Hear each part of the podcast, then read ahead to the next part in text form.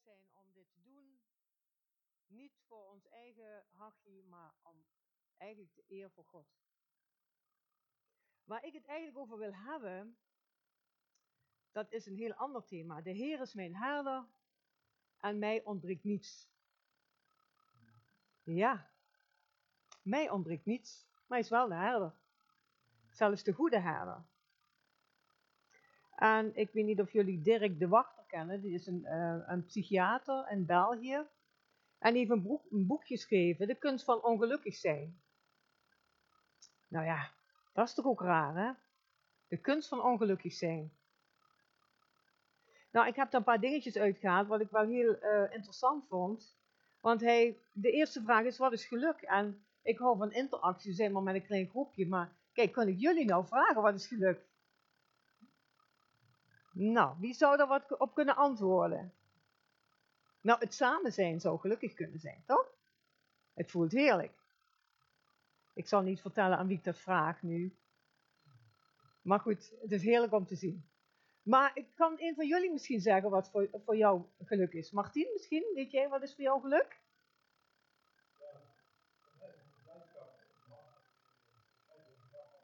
Oké, de blijdschap. Een blijdschap in het hart van Jezus, vooral in deze tijd. Ik zeg het nog maar even, zodat jullie het ook horen. Wil iemand misschien nog wat zeggen? David misschien? Wat is voor jou geluk? Ja, daar moeten we nog zwaar over denken, hè? Ja. Een gezin, ja. Arjan zegt gezin. Als het thuis goed gaat. Ja. Mooi. Zijn jullie er al een beetje uit wat voor jullie geluk is? Vrienden, ja. Kijk, dat vind ik ook een hele mooie. Relaties, vrienden. Mooi. Dat zegt Sari en Lieve. Mooi hè? Uh, nou, ik heb het opgezocht en geluk is, staat uh, voor gunstige loop van omstandigheden. Zeg het woordenboek hè. Heb ik het niet over Gods boek. En dan uh, hier staat er ook een aangenaam gevoel van iemand die zich verheugt. Ja, dat is geluk. Maar we hebben een groot probleem met ons geluk. Want eigenlijk willen we allemaal zo gelukkig zijn. En maken we eigenlijk daar een levensdoel van. Ik zie dat heel veel mensen bezig zijn om dat als levensdoel te hebben.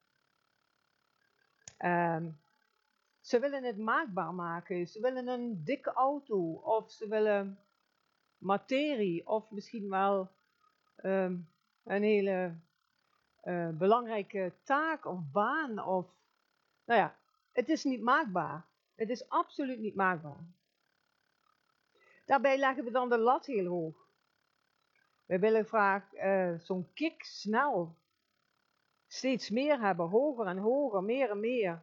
Een graaikultuur. En we willen het maakbaar maken. En vooral alleen doen. En dat doen we allemaal om gelukkig te worden of te willen zijn. Maar eigenlijk verliezen we daardoor onze eigen identiteit. Of de identiteit wat God eigenlijk met ons bedoeld heeft. Want hij heeft een heel ander plan. En als wij onze identiteit verliezen om met geluk bezig te zijn, weten we uiteindelijk niet meer wie we echt zijn. Ik zie heel veel mensen, zoals jullie weten, werk ik in de, in de thuissituaties. En ik zie dat heel veel mensen ziek zijn omdat ze ongelukkig zijn. Um, en het lastige is, wij schuiven vaak het um, niet gelukkig zijn schuiven aan de kant. Want we willen er niet over praten, we willen het verstoppen.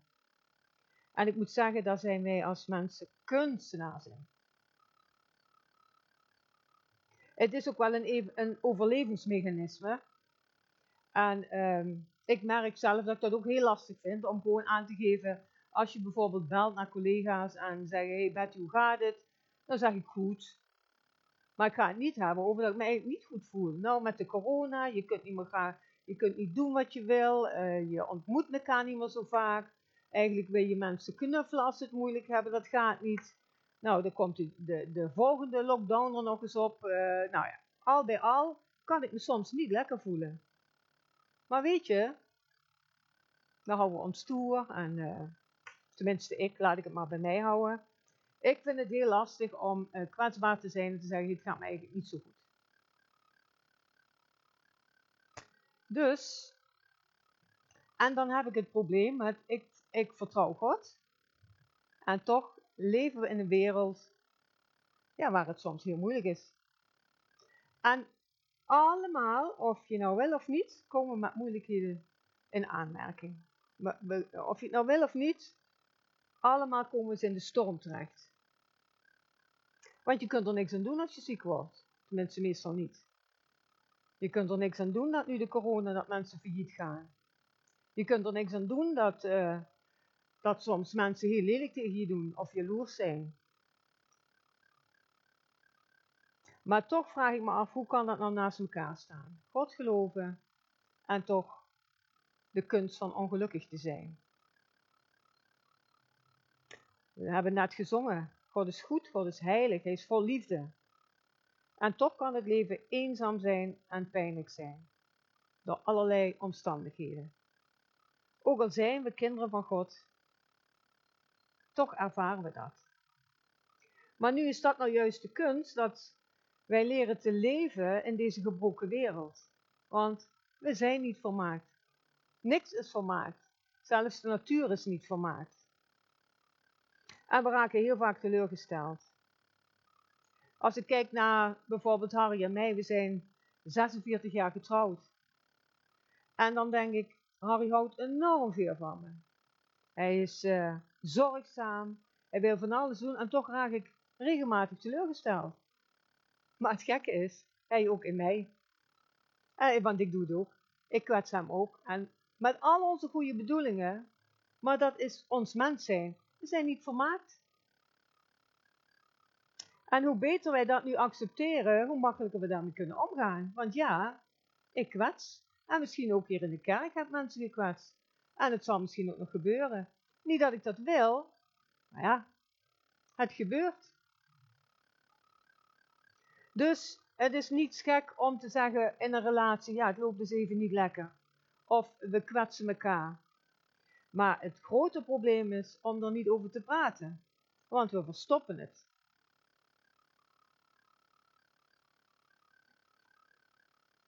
Nou, en ik denk ook, juist door het te verstoppen, krijgen we nog meer problemen. Mensen worden ziek, psychosomatische klachten. En wat maakt het nou dat we juist als christenen dit niet kunnen vertellen? Ja, we weten het allemaal heel goed.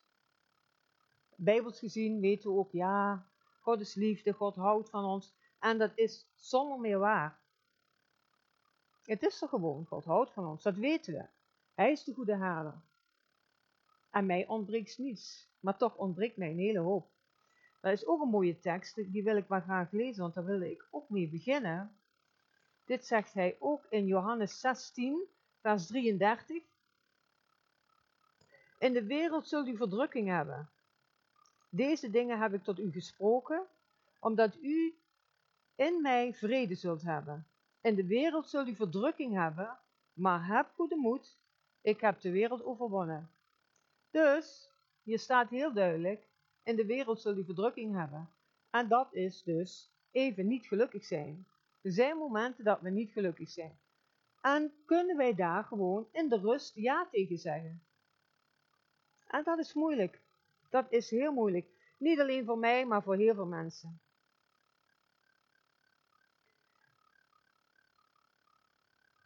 Soms overvalt mij ook uh, echt uh, het verdriet als ik soms mensen zo zie vastzitten en daar niet over praten.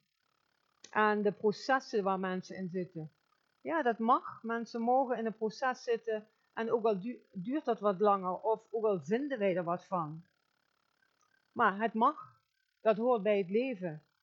En weet je, vandaag is het iemand anders en ik ben het misschien morgen.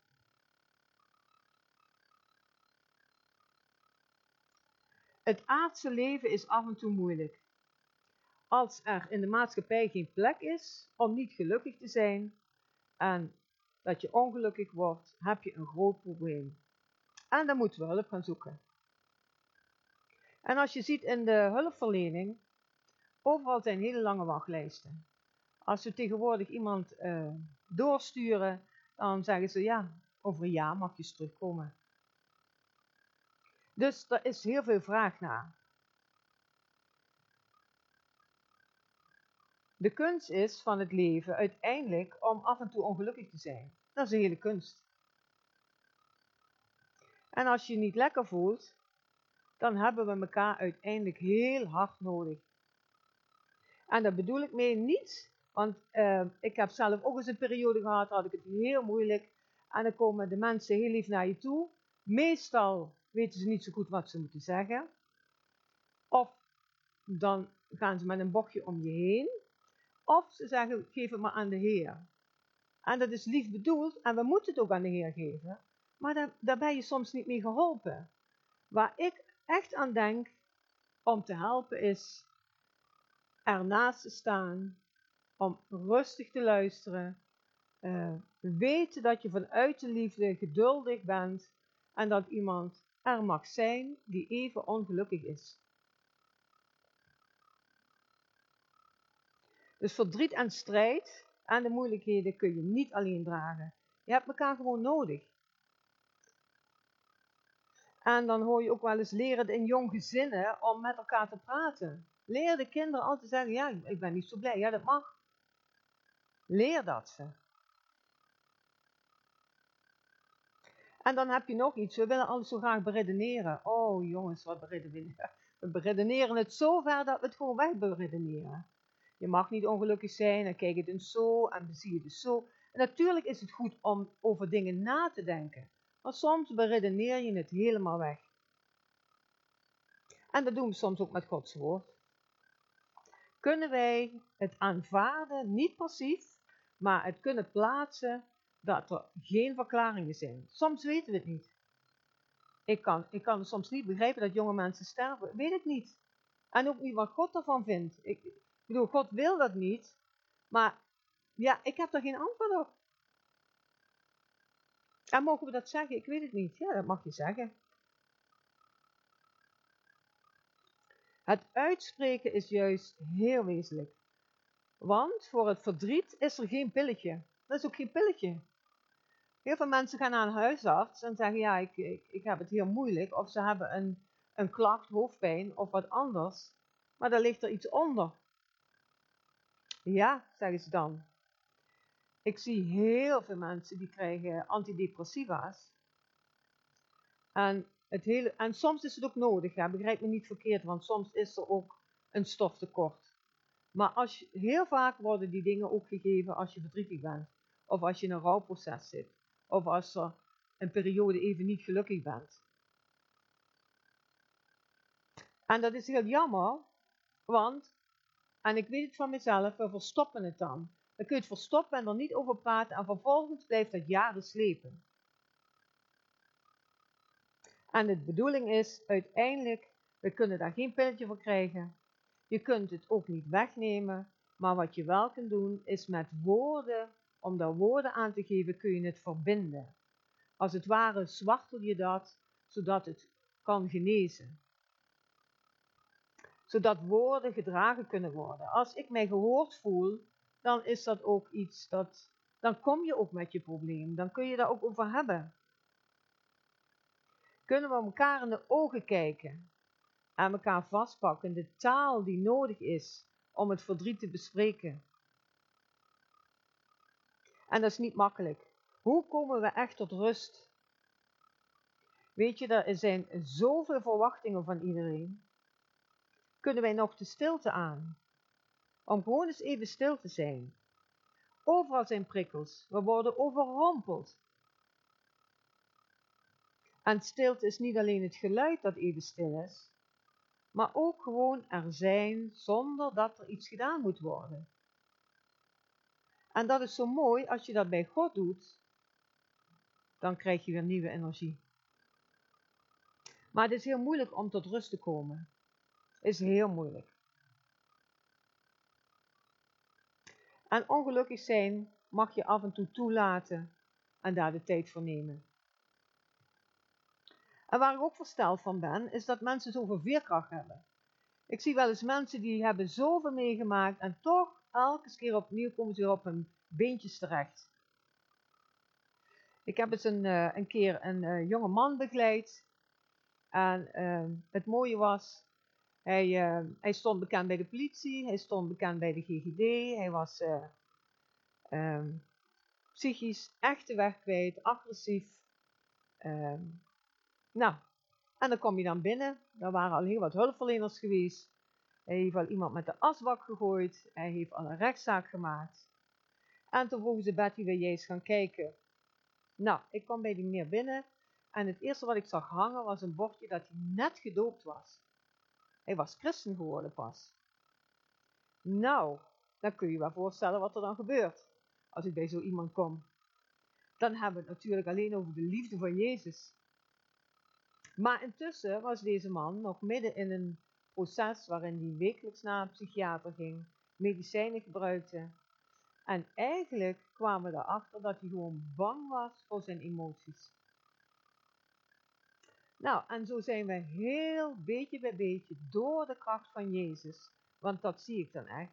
Hij voelde zich geliefd en zo is hij heel voorzichtig begonnen om afstand te doen van zijn medicamenten. Wil ik niet zeggen dat iedereen dat moet doen, maar hij was al meer dan 30 jaar aan de medicijnen.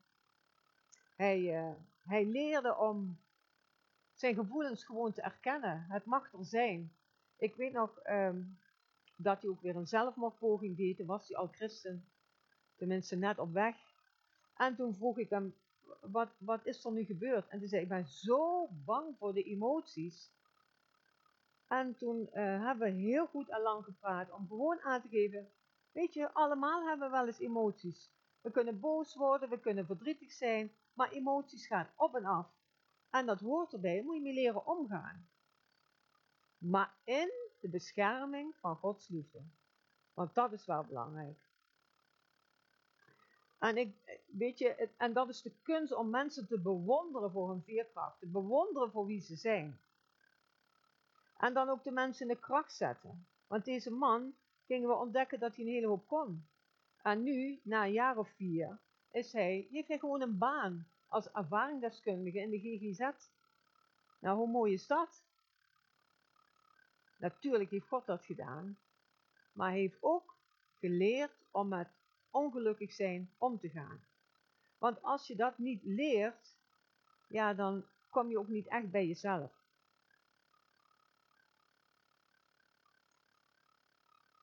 Uh, wat ik wilde zeggen is dat je dus met mensen, je kunt mensen echt als ze in, in nood zitten, ze bewonderen, echt ook in hun kracht zetten en uh, ja, gewoon gevoelig zijn voor de kwetsbaarheid op dat moment en vooral in de gelijkwaardigheid.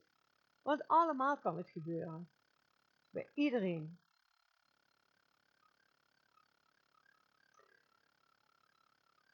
Maar ik wil ook nog zeggen dat moeilijkheden kunnen ons ook een kans geven. En dat is de mooie kant. Daar wil ik het echt wel over hebben. Verdriet kan ons namelijk een weg wijzen. Het heeft mij heel vaak geholpen als ik vastliep dat ik denk, ja zo gaat het niet, maar hoe dan wel? Dan word je even stopgezet. En dan moet ik eens gaan kijken, klopt mijn godsbeeld nog wel? Of uh, ja, heb ik de grote verwachtingen van een ander? Want het kan allemaal te maken hebben dat ik, ja, dat ik somber ben of verdrietig ben om iets. Zijn mijn aannames wel oké? Ik kan soms zoveel aannemen wat ik zie, maar klopt dat wel? Ik ben er een periode geleden achter gekomen dat ik heel graag alles onder controle wilde hebben. Ja. En daar raakte ik wel teleurgesteld. Omdat mij dat niet lukte. Ik wil controle. Maar God wil juist dat wij leren, tenminste, dat wil hij bij iedereen, maar ook bij mij, dat wij het niet onder controle houden. Nou, en hoe leer je dat? Niet als alles vlotjes loopt. Maar als je juist iets niet onder controle hebt. Dus toen ik het niet onder controle had, en dat is nu ook met de corona, we hebben het gewoon niet onder controle, moet ik het loslaten. Je kunt gewoon niet anders. En als je dat leert, want God wil mij, wil jullie, wil ons gewoon helpen uiteindelijk om meer op Hem te gaan lijken. En daar hoort verdriet bij, want karaktervorming doet soms pijn.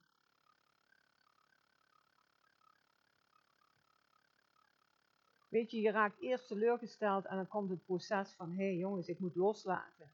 Maar wil ik me nog wel ontwikkelen? Wil ik dat wel?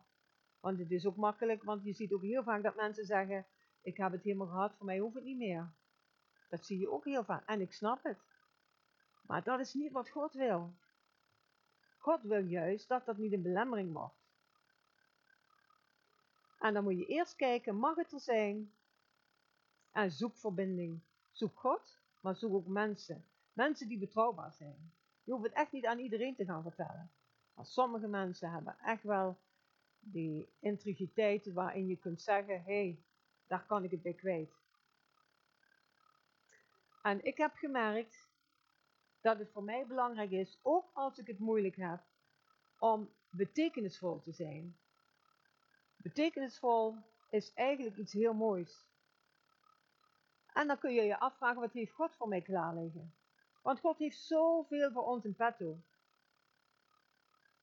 En als ik weet wat Hij heeft klaar liggen, dan heb ik een betekenisvol leven. Dan kan, ik het ook beter handelen als er periodes even niet zo lekker gaan. Dan kan ik zeggen, oké, maar dit is waar God mij naartoe wil hebben. Dus eigenlijk is uh,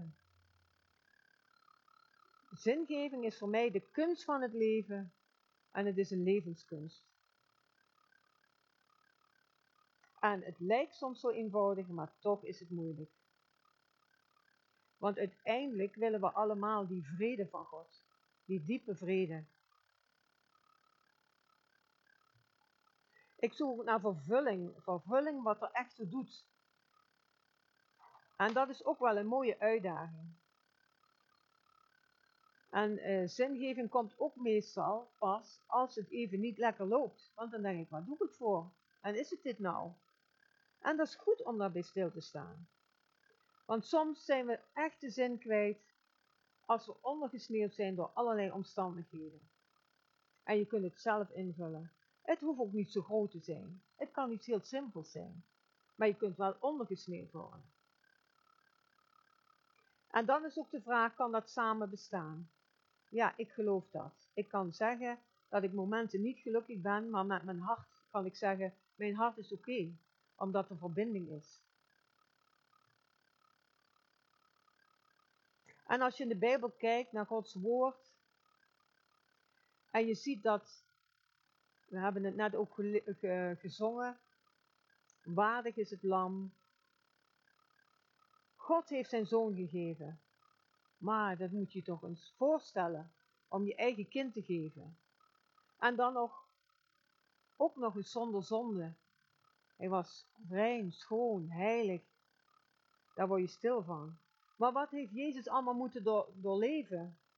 Als je het hebt over ongelukkig zijn. Hij is geslagen, hij is vernederd, leugens over hem uitgesproken. Nou ja, noem maar op. En hij zei alleen, ik ben. Hij ging niet in de verdediging. Maar hij, hij zei, ik ben. Wat een grote God. En waar ik heel enthousiast van word, is ook het hoge priestergebed. En eigenlijk is dat heel mooi om helemaal te lezen. En daar heb ik eigenlijk nog wel wat ruimte voor. Hè? Of hoe lang ben ik al bezig? Ik heb ruimte zat, kijk eens. Mooi. Maar goed, ik, uh, het hoge priestergebed heb ik een paar punten aangehaald en die lees ik dan ook eventjes voor. Ik heb het hier staan, het staat hetzelfde, maar dit zijn zo kleine lettertjes, dus ik, uh, ik heb het mooi uitgeschreven.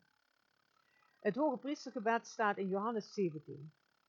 En bij 17.3, daar wil ik beginnen.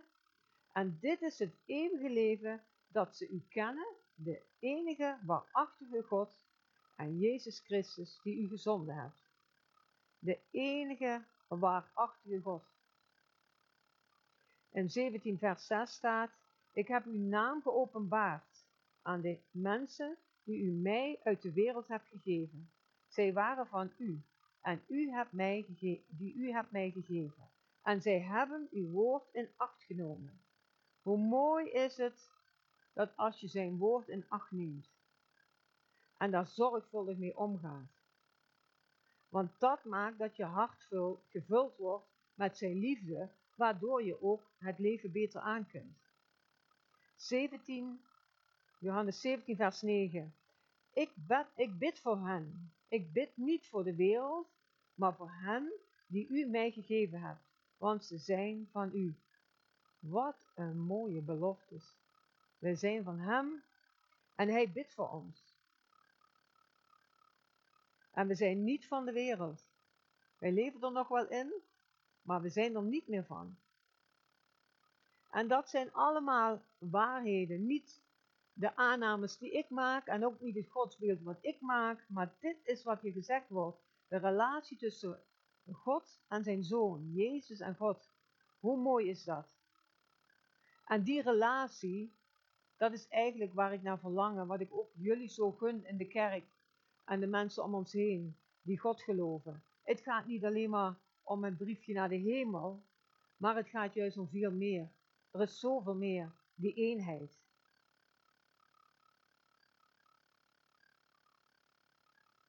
(17 vers 15) Ik bid niet dat u hen uit de wereld wegneemt, maar dat u hen bewaart van de boze. Dat is ook een gebed, want we zijn in deze wereld, we hebben jammer genoeg te maken met nog machten en krachten die hier ook heel wat te zeggen hebben. Alhoewel God sterker is en overwinnaar is, maar we hebben ermee te maken. En hoe meer je in het woord vertrouwd raakt, hoe meer je dat kunt onderscheiden.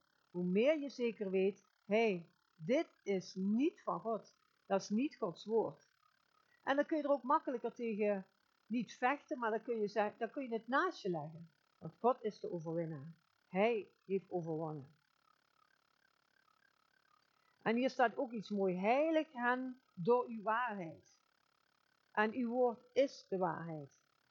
Dat is zo van belang. Ik denk dat dat ook de basis is.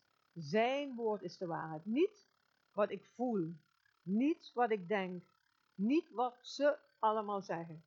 Want je moet eens vertellen dat je een kind van God bent. Of dat je Jezus kent. Moet je ze in de buurt vertellen, ze verklaren je voor gek. En wie doet dat nog? Mag ik dat zo vrij vragen? Wie heeft het nog over Jezus? En toch is dat onze opdracht.